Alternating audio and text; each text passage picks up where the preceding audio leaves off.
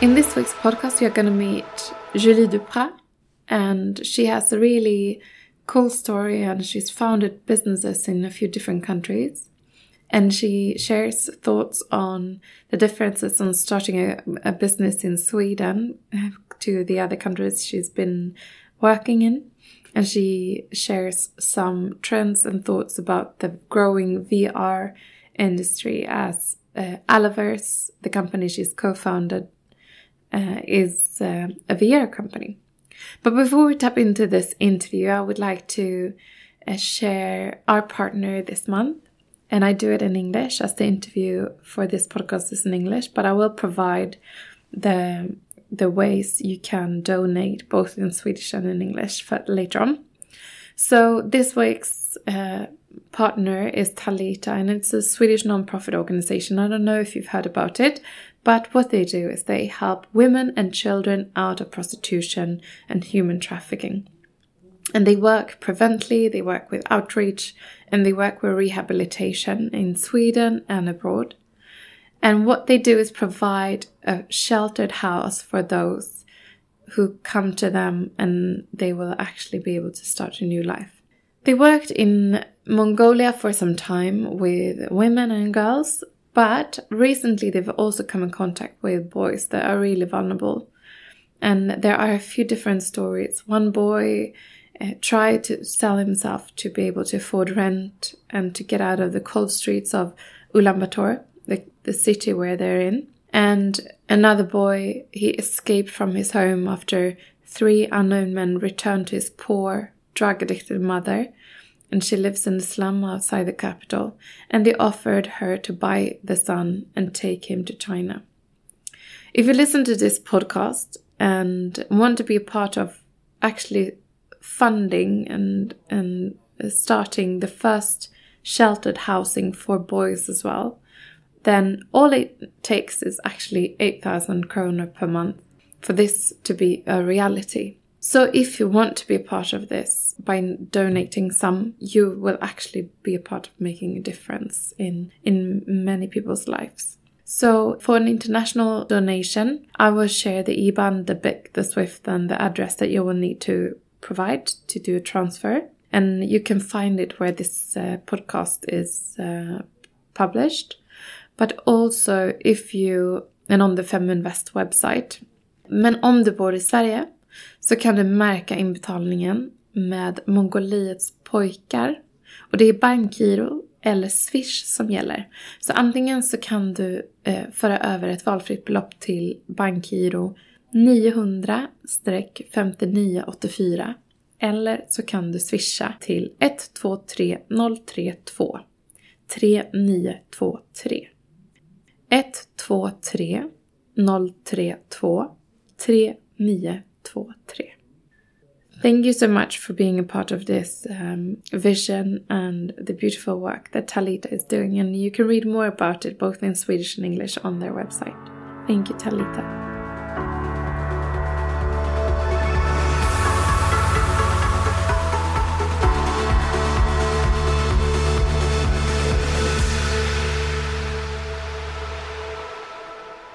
So it's Thursday, and my name is Michaela Berglund, and I'm managing Feminvest. As you know, it's a network for women, both entrepreneurs and investors. And our main goal and what we do 24 7 is that we work towards women owning more. And for those of you who listen regularly, you, you can hear that I'm actually speaking English today, and there is a reason for that. Uh, a super exciting reason. So I've got a, a guest of honor, Julie Duprat. So welcome to the Feminvest podcast, Julie. Thank you so much, Michaela, and thanks for pronouncing my name so nicely. um, yeah, it's I mean incredible to be here. I've been following you for a while, and I really admire um, everything you've done so far. And actually, it was also a source of inspiration for an article that I wrote um, because coming from Switzerland, there's no real movement for investing. So many women and friends of mine between, I mean, close to 30 are not investing, they're just saving money. So um, thank you so much for starting this. And yeah, I'm very excited to be here. And I think it's the same here in Sweden as well. It's a huge potential, uh, mm. you know, in if women would put their money into into the financial markets. And um, I think one way of actually, you know, doing it is yeah. by talking about it, um, mm-hmm. because that's how usually how guys start investing, isn't it? They talk to each other like, "Oh, did you see that stock?" And then um, they go, oh, you know, I'm going to invest some as well, and then they don't feel responsible for the other person's decision. Whereas in in in between women, it's more like you know, don't invest in that now because I said that I invested because I don't want to make sure that I don't want you to risk anything just because I said so. So we are so, more like emotionally responsible in that regard. So true, and I think it also comes down a lot with education. I think if I look at some of my guy friends, their dads have been eh, looking at markets and they've been interested and they've shared that with their sons. Whereas looking back at my mum, it's always been about saving. Oh, let's make sure that we don't spend too much because we have to pay for food. So uh, some of my friends have exactly the same education where women were very savvy and very careful with their money and there was no talk about investment. Um, so that comes very strongly, I think, when you when you grow up, and depending on the job you are in, or depending on the friends that you have, discussions turn around different kind of ownership. Mm. So probably an ownership of stock or an ownership of a very fast car is very different from owning a pair of shoes. Doesn't get you to the same places. I exactly. think. Yeah. yeah. Uh, and the reason why you are here yes. is because I met you and you are uh, the co-founder of a super cool mm-hmm. company mm um, that's been expanding rapidly mm. and it's called Alloverse. Can you tell us a little bit about uh, the VR business that you are managing? Sure. So Alloverse is a creation of Nevyn Bengtsson, which is my co-founder and he has been in the tech environment for a while. He started uh, with a business called Lookback, which is UX based business, so programming. And then he really wanted to get into VR. And I met him about two years ago, and I was actually coaching him on some topics within business. And later on, he came back to me and we had this conversation about VR. And he was like, you know, it would be crazy if we had that business within VR. Uh, we could in, invent those environments where people could connect not only for businesses, but in fact, my first thought was about education. I've spent some time in South Africa and being facing poverty every day, you realize that education is a core skill for society to develop in a better way that, you know, what South Africa looks like right now. And so I mentioned that to Nevyn and I was like, well, with your technology within VR, could we have classes anywhere in the world? Could we connect kids from South Africa with teachers from Harvard? And he was like, yes, totally, we can do that. So, um, that's pretty much how the idea came up. And this year, exactly like you, we incorporated Alloverse in January. And we've been working on it for a year now, a bit more than a year. And we're a team of six people. And our aim is to offer VR environments open source and distributed to any companies in the world. And the subscription fee that we would charge the companies with, we would take a percentage and that percentage would go into financing headsets for kids at schools.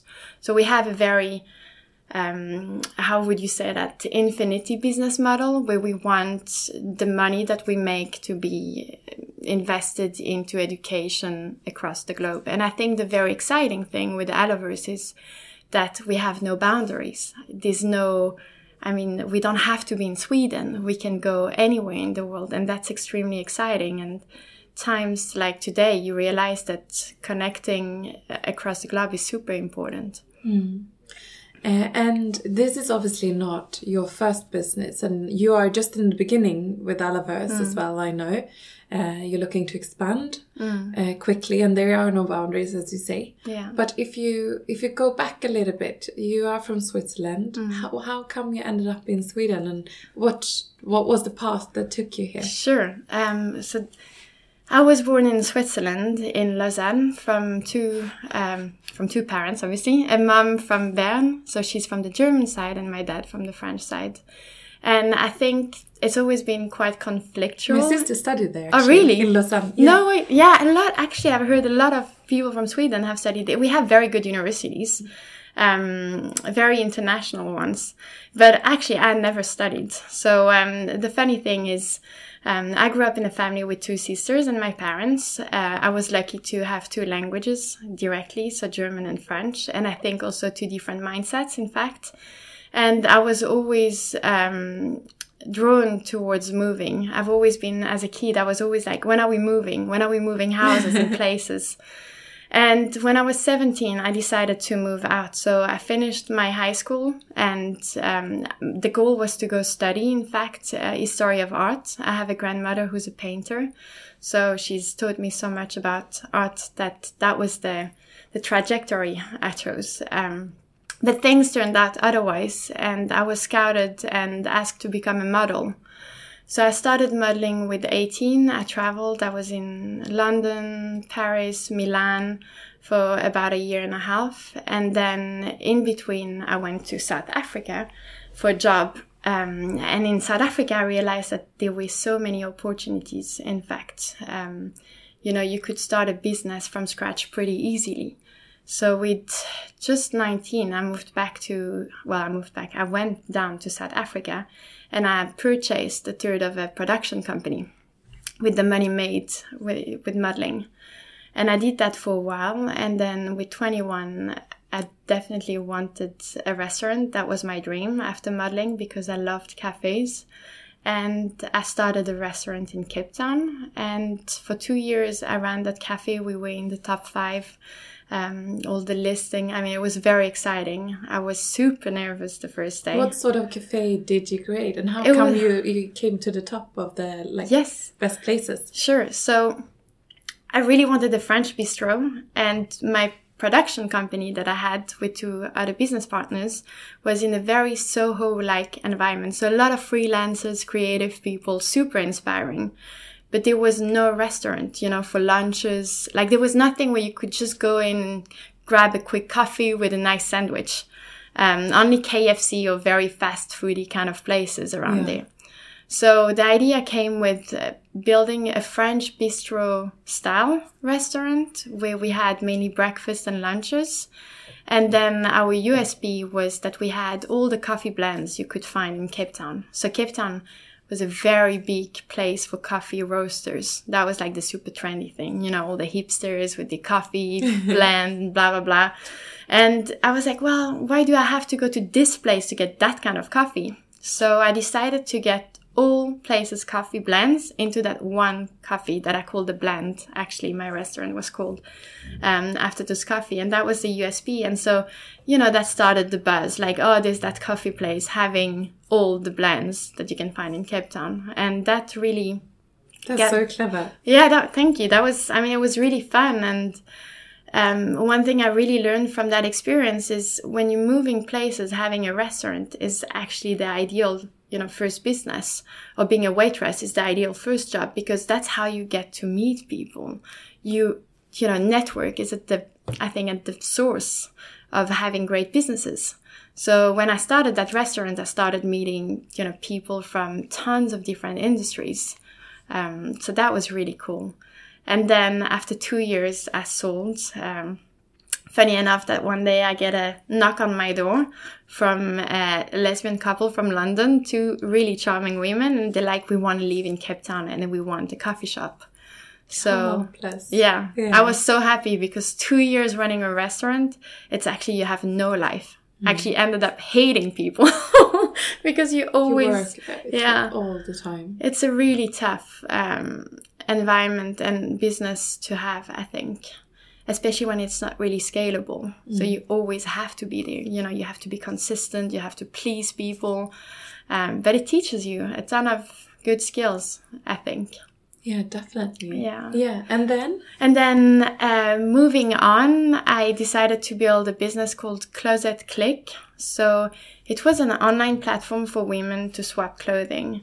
In South Africa, you have a lot of housewives, I would say, that have a ton of very high end fashion pieces, but they don't wear them that you know that often. In fact, and I saw an opportunity there where we could have an online platform and women signing up, becoming members, and start swapping clothing. But being in South Africa, you know, you're not going to go meet some random woman you met online because the crime um, rate is so high.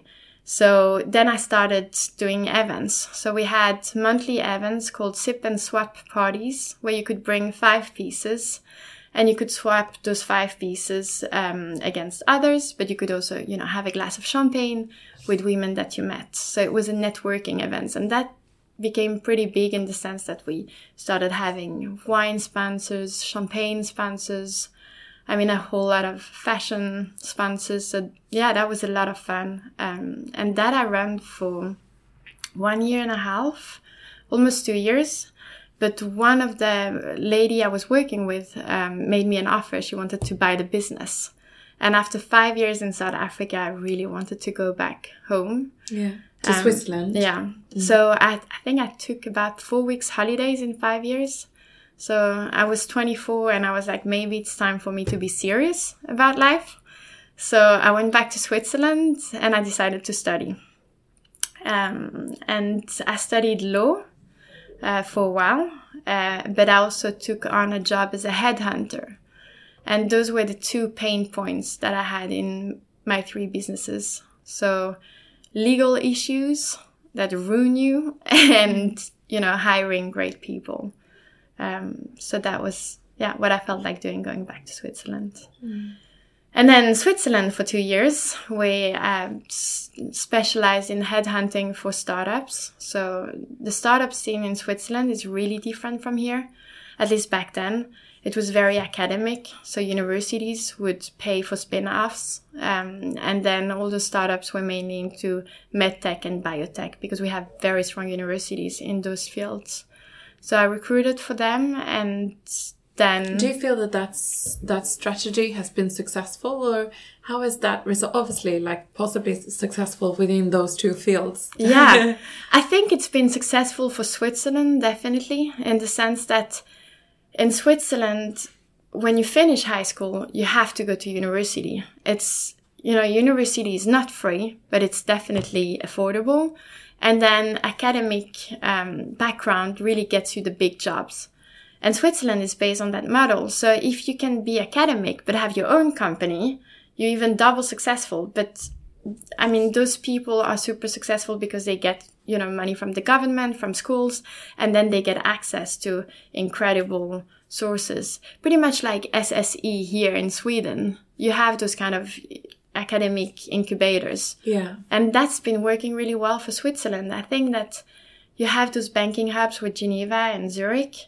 but it's you know now it's starting to invest in fintech a lot um, and again it's i would say most of the time it starts at university and then those people become entrepreneurs but i feel that even the universities here with the incubators connected to those are uh, a natural and it's like uh, those uh, platforms or those forums mm. are um, more people trust them. Yeah. To a greater extent. It's like, a validity, validation exactly. stamp. Absolutely. Yeah. So it's probably the same. Yes. Mm-hmm. Yeah, I can totally see that with KTH and all of those. But I mean, still, you have Norrsken. Sorry for the pronunciation. Yeah. But you have so many other places, and people are so helpful. It feels like, you know, now with Antler, for example, and you starting the scale up program, so many people are willing to invest in good talents. And it doesn't depend on whether you have a degree or not. Mm. And I think that's the differentiation in Switzerland. It's like, if you don't have a degree, well, why would we believe that you can be an entrepreneur? Mm. And that mindset, I mean, is ma- made me crazy.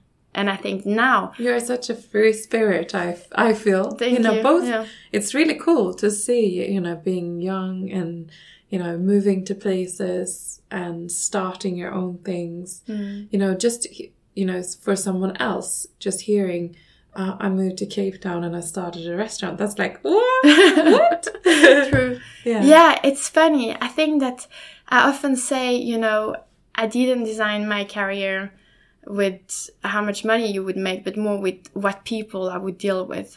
And I feel like this has been the, um, the silver lining in my past. I've always met great people and I've somehow, I've always, I've been so open and flexible and so willing to jump into things that I got to meet great people.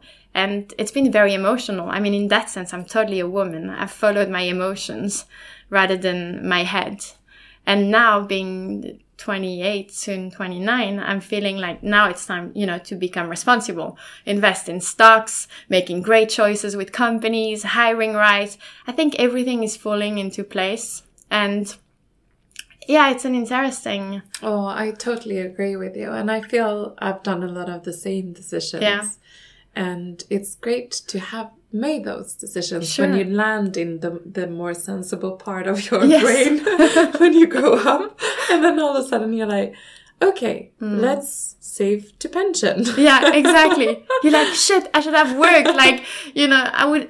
Exactly, exactly. I mean, those kind of thoughts. I'm totally the same. I'm like, oh my god, but what happened to my pension? I never paid any pension being in South Africa. You know, it's like the Wild West, literally. There's that say, it's don't ask for permission, ask for forgiveness. Mm. And it's exactly like how you deal in South Africa. So mm. suddenly coming back to Switzerland or even Sweden, you have to follow, you know, rule by rule and, and you have to be so, uh, conscientious about your choices and your decisions. Mm. And I think that that forces you to become more responsible.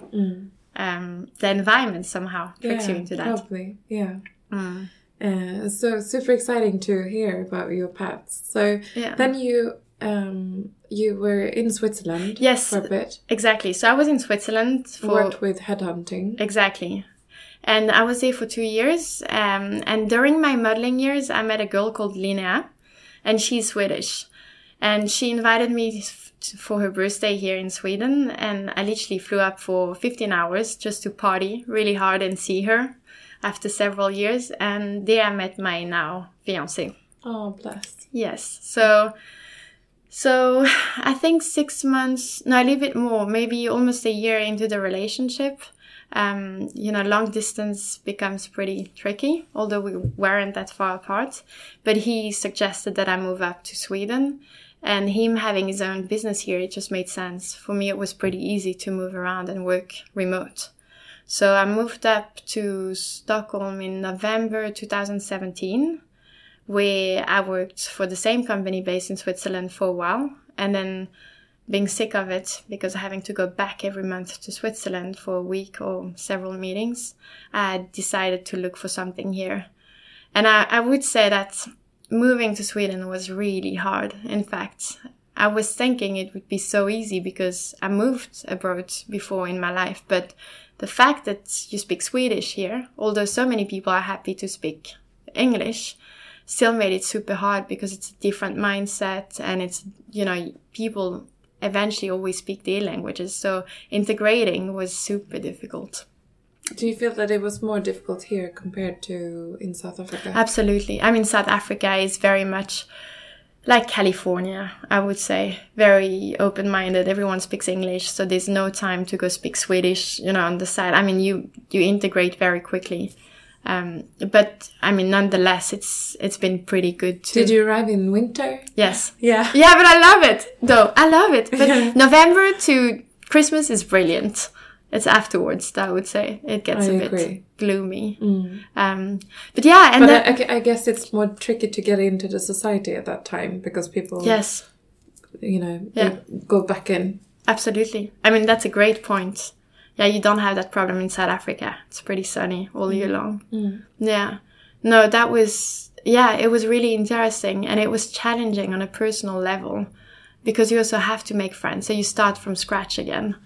And I think that when you move abroad without having a company, you know, that displays you and offers you accommodation and, you know, a company to join in and people to meet is very different from moving abroad, you know, for love or just, you know, because you want to move. Because then you have to start from scratch. And again, network is so important. And like you said, if you worked, continued to work towards that Swiss company, Mm. obviously you didn't have any colleagues here. Exactly. Yeah. That was pretty tough. Um, So how did you find a job, and or how did that work? Yeah, so I was lucky. I joined a startup called Guest It. which is actually part of SSE Business Labs and it was founded by Fredrik Hjelm, who's the founder of Voi scooters. And I joined them as COO in August 2018. And I stayed with them for a while, for about seven months. Um, and back then I've already knew um, Nevyn, my now co-founder. So I worked there for a while, um, almost a year at Guestit. And then I decided to leave to join a company called Mirado Consulting, which is into tech recruitment. And I joined them as head of talent acquisition. So I've been juggling between that and Alloverse for a while. And then I also launched a third startup called Hotelovate, which is a search engine for hotels and boutique hotels. Mm-hmm. So just focusing on boutique hotels. Yes. Oh, cool. So and and because Google is like now you can actually just Google hotels exactly on their search engine. Yeah, but now so now Hotelovate is slightly different in the sense that we are a search engine, so we're doing what Google does, but we're connecting tech suppliers with boutique hotels and hotels.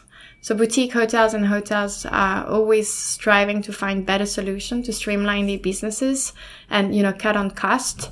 And so we're trying to offer that solution with mm. our technology, but that's a very small business I'm yeah. part of. So I'm trying to you know, follow the investment rule of don't have all your eggs in one basket.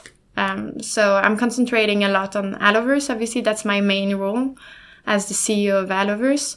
But Hotelovate was a business opportunity that came along, so it's nice. Yeah. Mm. So uh, tell me about Alloverse and how do you build that kind of platform? Because I know uh, so many women yeah. now are considering building a tech company yes. compared to a few years ago. Yeah. Uh, so much has changed. When I took over Feminvest, yeah. everyone said to me, um, there are no female tech entrepreneurs. And I'm like, obviously, you are here. Yeah. And, you know, so many with you. Yeah. Uh, and I kind of want to prove them wrong by sharing your stories. Of course. Uh, cool. Uh, but how are, uh, yeah, how, how, what would you say? How would you advise a, a person that wants to build a tech, tech company? I think that tech is obviously a very exciting area to be in. And now I know very few businesses that are doing without tech. So it's almost a natural option to go for. But when building a tech company, I think the number one mistake is to do it on your own. So I would recommend that if you do consider that kind of business, partner up with brilliant people that are passionate in that sphere. No matter if you go, you know, in AI or if you work with VR or just pure programming and developing a tool or an app, make sure you go with people that are passionate and supporting. Um, we are a team of six people at Alloverse and I'm the only one who doesn't know programming or have, you know, basic understanding. But I do know that when we speak all together around the table, I mean, it starts going crazy because everyone has this passion for tech and how tech will change the world. Mm. All of us believe that VR is the next step after the mobile phone. It's quite interesting, isn't it, now? Because uh, obviously, when we're doing this interview, we've been hit by this uh, COVID 19 virus and the spread of it. Mm. Uh, and before we turn on the microphone, you and I, we spoke about like the the impact that it has, not just short term in terms of us not um, not um, um, losing businesses might close and mm. you know those kind of things, but also is it changing our behavior mm. long term? Mm. And you know it's interesting because obviously we see a lot of conferences being held uh, digitally mm. uh, nowadays and you know yesterday my my uh, husband was at home on a educational conference the whole day and he was lying in bed I, was like, I was joking with with him and I sent like a, a message to his friend and I was yeah. like you know he could put a shirt and a suit on top and then lie in his boxer shorts yeah. under because the only part you see is it's like yeah. this, you know, face, just the face and the upper part. Uh, so you could really, um, but you could really be so efficient. Because mm. I had like four meetings yesterday on video calls, mm. uh, and you know what? It it it really makes you more time um, efficient. Say, yeah, you're time saver. Absolutely, I agree. I think that it, tech has brought so many great options in our life, and I think that you know back then we thought internet would turn around our life, but I think this is actually the situation right now that will forever change our habits. I mean, Zoom conference was uh, an extra if you couldn't make a meeting physically, right? It was that extra option. But now it's literally the go-to because you don't have any other choices. And I think that we see also the impact on the environment. If you don't have to travel for that one deal that you need to make, you know, across the globe and you can do it video, it saves time, it saves energy, it saves the, the world somehow. The. Exactly. We, have seen the pollution change in China, yeah. in Italy now. They even say like in in Venice in that area. Yes. They have dolphins. Did you see that? Yes, I did see that. It's crazy. Mm. And I was speaking with my sister and it was really sweet. She was like, you know, I make this um, as an analogy to lungs because COVID 19 affects your lungs. And what we're doing now is saving the lungs of the planet, mm, which are really, yeah, I like the thinking. Uh, very philosophical, spiritual. Yeah. yeah. But, but yeah, so I do think that the, what we're experiencing now is going to change forever our habits in dealing with tech and I think of it as an extra option, but as a, you know, normal way to do business. Mm. Has, uh, in what way, um, how are you thinking you can like be constructive and be positive for your business mm. in those difficult times? That's a super good question. Because um, I'm trying to like digitalize a lot. Yeah. Uh, and I'm trying to think of it as okay, maybe we, because for example, we had an event in in Gothenburg planned talking mm. about sustainable investing and like what options are there because mm. everyone wants to know um, like what are what are the offer the different options that I have to mm. invest sustainably, mm. um, and obviously we couldn't uh, we we didn't want to to have the host the event, and now we do it digitally and it's like the response is huge and yeah. obviously all of a sudden it's available the information is available to anyone in mm. sweden that wants to learn yeah. and i kind of i feel really good about that yeah um, yeah your reach is so much bigger when you do it online and i think definitely but then i always thought would people do this yeah. like digitally yeah. but obviously they do because uh, you know they, i can tell already yeah but but i think you're right in a sense that during those times to remain positive, you need to probably still do what you would do anyway and kind of focus on the positive side effects of what you're doing. And I think how I try to be positive about this whole situation is more, I'm trying to be more creative. And I think it's pushing me to come up with creative solutions and it's pushing me to think out of the box. I'm also having so many conversations with my fiance about what will the future look like? What can we do now that will remain, you know, in the future? If you look back at the 2008, 2009 uh, financial crash, you have Uber, Airbnb, all those startups that have been born right back then because people have been, you know, looking at growth rather than remaining how you know baseline mindset in the sense of oh you know i want to go back to what we used to have to have. And i think we need to start changing that kind of mindset. And for a lot of people it's really hard but i think it's very exciting because we're growing into a new era and tech is definitely a big part of it. Mm. so i'm trying to so first advice uh, mm. in that regard don't be alone. Yeah. Bring on people that are really passionate about what you're building yes. and do it together with them. Mm. Mm. absolutely. Should one uh, should how have you have you learned anything from the way you like launched Alloverse like what kind of mistakes would you do differently for example? Um no i think so far we've been very lucky.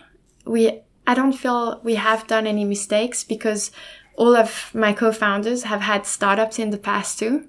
So everyone made a list of their challenges or because you learn from your mistakes, right? I mean, without those mistakes, you, you wouldn't do things better. So we've been really conscientious about how are we going to approach the launch of Alloverse. And we also passionate about tech, but also about what it can offer, especially in the educational sector. That that has been our focus. I'm sure that in six months' time I can come up with a whole lot of mistakes, but so far we've been really thoughtful about how to approach, you know, product fit um, strategy, go to market strategy, and we've been very lucky because Nevyn. Uh, having a look back and knowing a lot of people, we've been in touch with investors almost during the launch and we've been asking for advice we've been asking for feedback i think this is often a mistake you make is not having any feedback not testing enough to know whether your product is needed or not mm. and that's really good so like an early dialogue with customers yeah. and and investors mm. if you know that you'll need private equity to grow exactly yeah to and to feedback on your product exactly and and when you do say you prepare a pitch deck I think that then again, the feedback is so needed. Try to go around in your network, ask friends, ask potential end users, you know, but also ask people if they know of anyone that's in the investment sector and try to share that pitch deck without, you know, willing money, but just pure feedback. Like, what do you think? Is this wow enough? Mm. Can, you know, can we get more advice or should we have a designer redo the pitch deck? There's so many things to take into account when you do a pitch deck, it, visually, but also messaging. So um, I think this has been of huge help to have six people around the table, having had startups, learn from their failures or mistakes, and now building something that we truly believe in with those various learnings. Mm. So, um, how are you like? How are you thinking about taking the product to the market? Sure. Is it via because you said that you started with the educational sector? Yeah. So that was the, the true passion. Mm. Um, obviously, we have to make money. Um, we have to be profitable and sustainable. And the way we're looking at going to market is approaching companies and offering them subscription. So very much like a SaaS business um, and that's one way. And then the other way is because we are an open source and distributed system, it means that a lot of developers in other companies can actually go and build on top of what we build. So we're not trying to retain an IP and not, you know, like building a patent as such. We really want to share our technology because we think that if everyone can use it, then the adoption will be a lot fast too. So um, that's the licensing fee model that we have. We would probably offer a license um, to those companies and say, hey, go ahead, just use our system and build on top of it, but share it with us. And that's how we would generate revenue.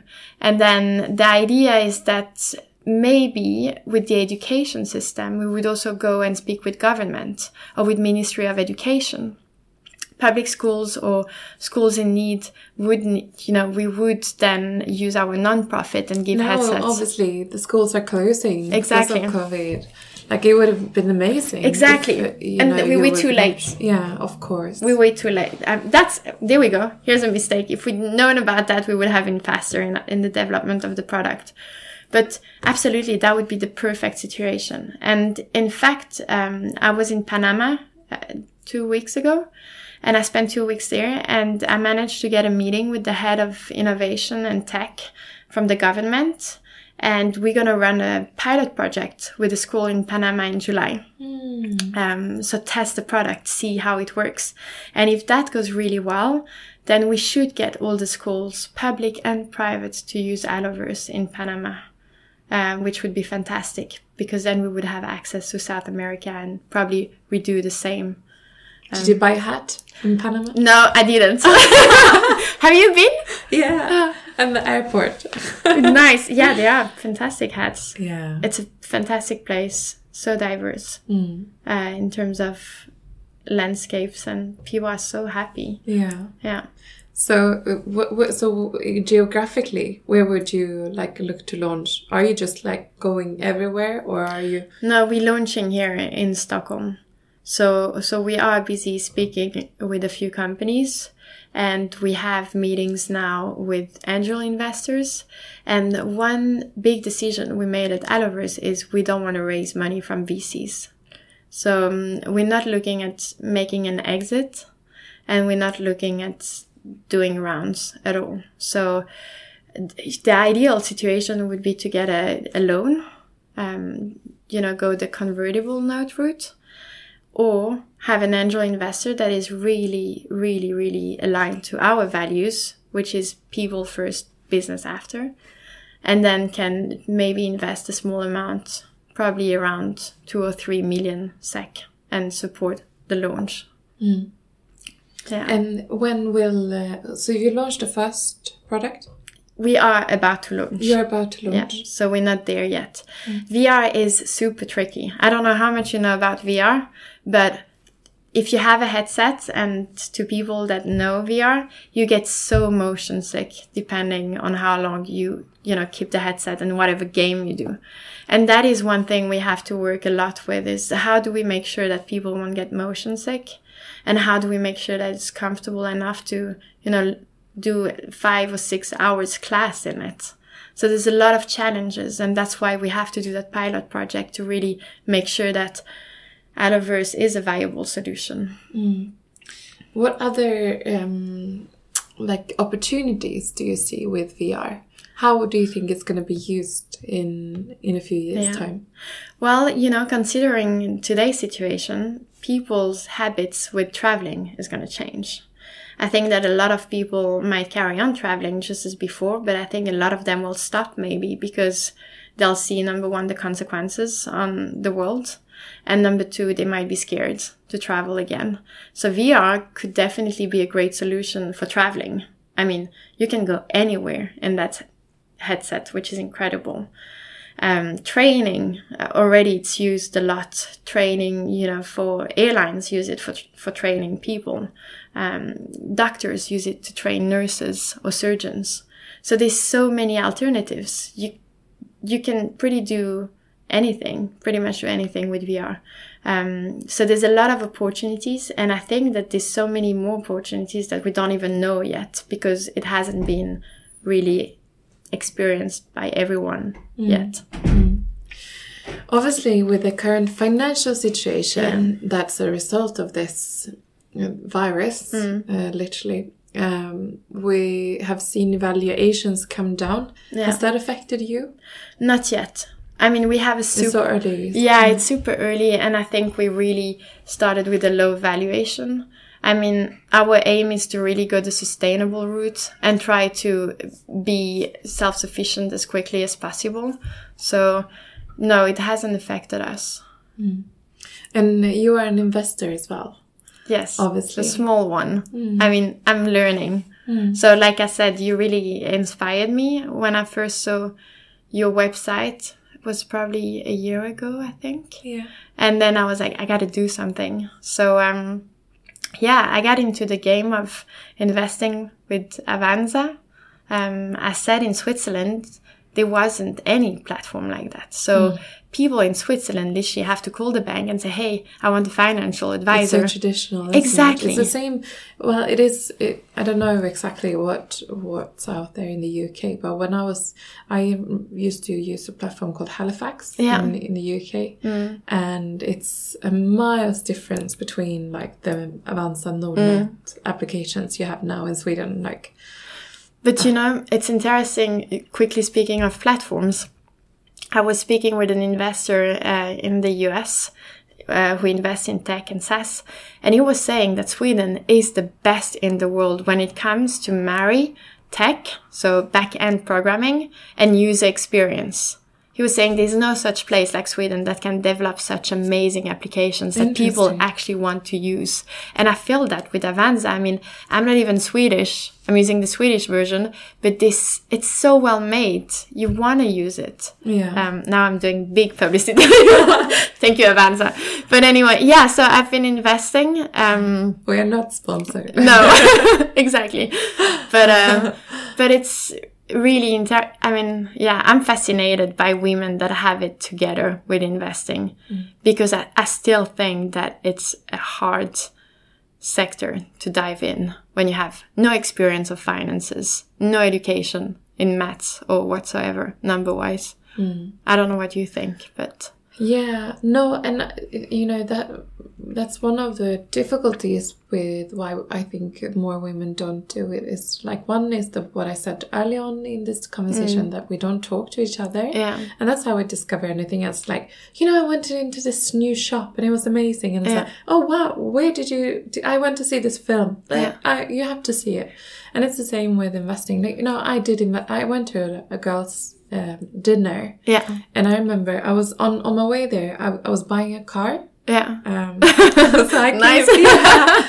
So I came to that. my my husband. He was out for uh, for dinner with uh, his company, and I was um, I was we we needed to buy a new car, and I I don't want to buy a new car di- directly from the from the Dealership. dealers Yeah. because uh, the value goes down so quickly. Mm. So I've I've done a couple of I bought cars uh, like second hand, but I have a few criteria to Mm. make sure that I can actually sell them again if I wanted to one or two years later for a similar price. I wouldn't lose Mm. That's super money. smart. Mm. Yeah, I think it's it's more sustainable, and um, so I was like, I just came into the to the girls, and they were like, "Oh, here's your drink," and I was like, I, "I'm just buying a car," and they were like, "What?" and then they were like, "Oh, you know, what what do you do?" And we started talking about Feminvest, and they were like, "Oh my gosh, I've never been to a girls' night out." And you're like talking about buying cars and like investing in stocks and So true. and I was like, no, we should do it more because it's actually it will we will inspire each other mm-hmm. and learn from each other, and we don't have to take that responsibility for mm. you know each other's uh, investment strategies or like start with small steps and invest in companies you believe in. Look up fees Yeah. um, start with apps that you like, like you with Avanza, like you say, and And listen to podcasts. Yeah. So many good podcasts out there. exactly, yeah, it's so much to learn. Yeah. Uh, and also, I do think that meetups are really good, um, both physically and digitally, Yeah. uh, to meet up with uh, with others and talk to each other about it, um, because financial risk is always. It's like when I I started my first business. Um, I spoke to people that um, that started a business, and you know, my first business was not doing well at all. Yeah. but I, I did, and then the second time, I knew, okay, I I know that it's easy to build a website. I can do it. I know how to go to the tax office, and you know, I need know what information I need to provide. Like I've done so many mistakes, but it gets better, and I learn by the way. And it's so satisfying, I think, you know, when you actually grow and you can see where you've done mistakes and now you you have a good handle on it. Yeah, exactly.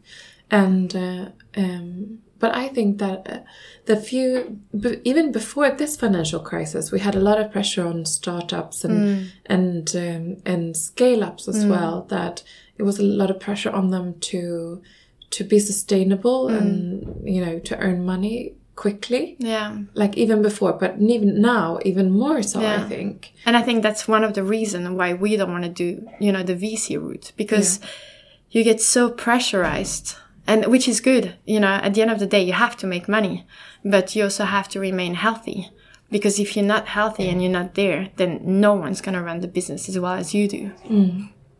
So it's it's a really interesting yeah, time to be in. Yeah. Yeah. Uh, super excited to have you here. And you. Thank you for sharing some advice on how to get started, but also like such an inspirational story. Thank you. Uh, and uh, look forward to follow Alloverse and Yeah. yourself in the different ventures. Thank you so much. It's been a pleasure to be here, and I could speak with you for hours. I know. which is so nice. And it's like the second time we meet or Yeah. something. And it feels like I've known you forever. Yeah. So it's uh, th- thank you so much for having me. Oh, best of luck. I got tears in my eyes.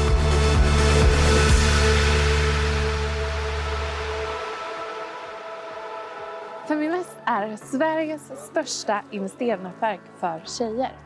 Vi vill att allt fler ska våga äga och förvalta. Och hur gör vi då detta? Jo, vi vill inspirera, utbilda och utmana runt ägande, investeringar och entreprenörskap. Följ Feminvest på våra kanaler Facebook, Instagram, Youtube. Varje vecka så kommer vi även ut med en podd och du kan ju självklart även följa nyheterna som publiceras på feminvest.nu. Det är bara att söka på Feminvest på samtliga kanaler så hittar du till oss.